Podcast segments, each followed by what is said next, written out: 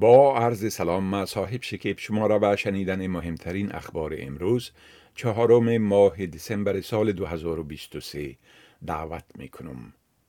قرار است حکومت فدرالی در این هفته اصلاحات را در قوانین وضع شده برای مقابله با پیامدهای تصمیم محکمه عالی که حبس نامحدود را غیر قانونی دانست و منجر به آزادی بیش از 140 نفر از زندانهای مهاجرت شد فراهم کند. بر اساس این اصلاحات احکام توقیف پیشگیرانه برای مردم آزاد شده شامل قاتلان و مجرمان جنسی اعمال خواهند شد و این احکام مشابه اقدامات برای مجرمان تروریستی خطرناک است. موری وات وزیر فدرالی زراعت به سوپرمارکت ها هشدار جدی را صادر کرده که در آستانه کریسمس از سودجویی از استرالیایی های زحمتکش خودداری کنند.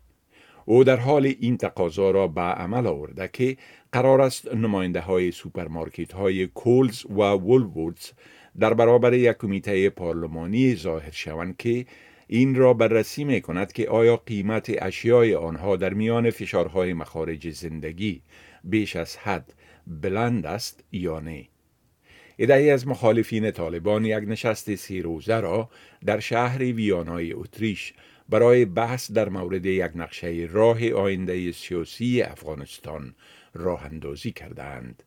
طبق یک گزارش بی بی سی نمایندگان جبهه مقاومت ملی افغانستان در این نشست گفتند که تمرکز این نشست بر ایجاد یک جناح مخالف متحد و قوی می باشد.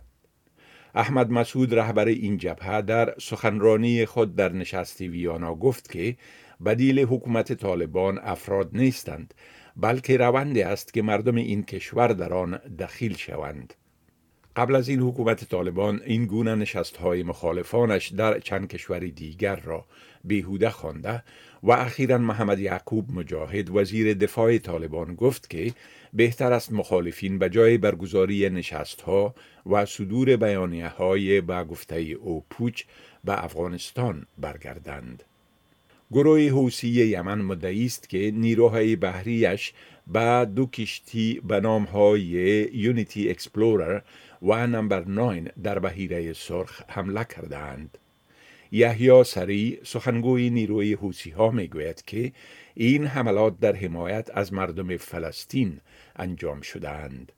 این در حال است که اسرائیل به مردم بیشتری در جنوب غزه دستور داده تا به خاطر بمباردمان شدید غزه از آنجا خارج شوند و یک کارمند صحی در شفاخانه بابتیست الاهلی می گوید که در حملات اخیر اسرائیل بیش از پانزده طفل کشته شدند. یک مظاهره مسالمت آمیز خواهان برقراری آتش بس در غزه در جریان اجلاس اقلیم ملل متحد در دبی برگزار شد.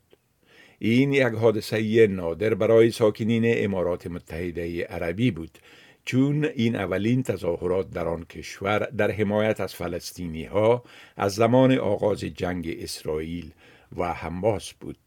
صلیب سرخ استرالیا از تخصیص بودجه 12.1 میلیون دلاری طی پنج سال برای برنامه جدید به منظور فراهمی حمایت های تخصصی و مداخله زود هنگام برای کسانی که ازدواج اجباری را تجربه کرده یا در معرض خطر چنین ازدواج قرار دارند استقبال کرده است.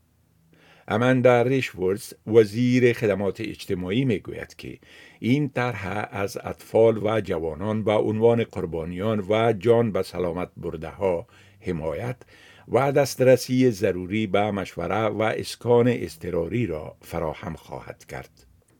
این بود خلاصه از مهمترین اخبار از برنامه دری SBS Audio. شما می توانید گزارش های بیشتر درباره موضوعات گوناگون را در وبسایت ما به آدرس sbs.com.au دری بشنوید و بخوانید.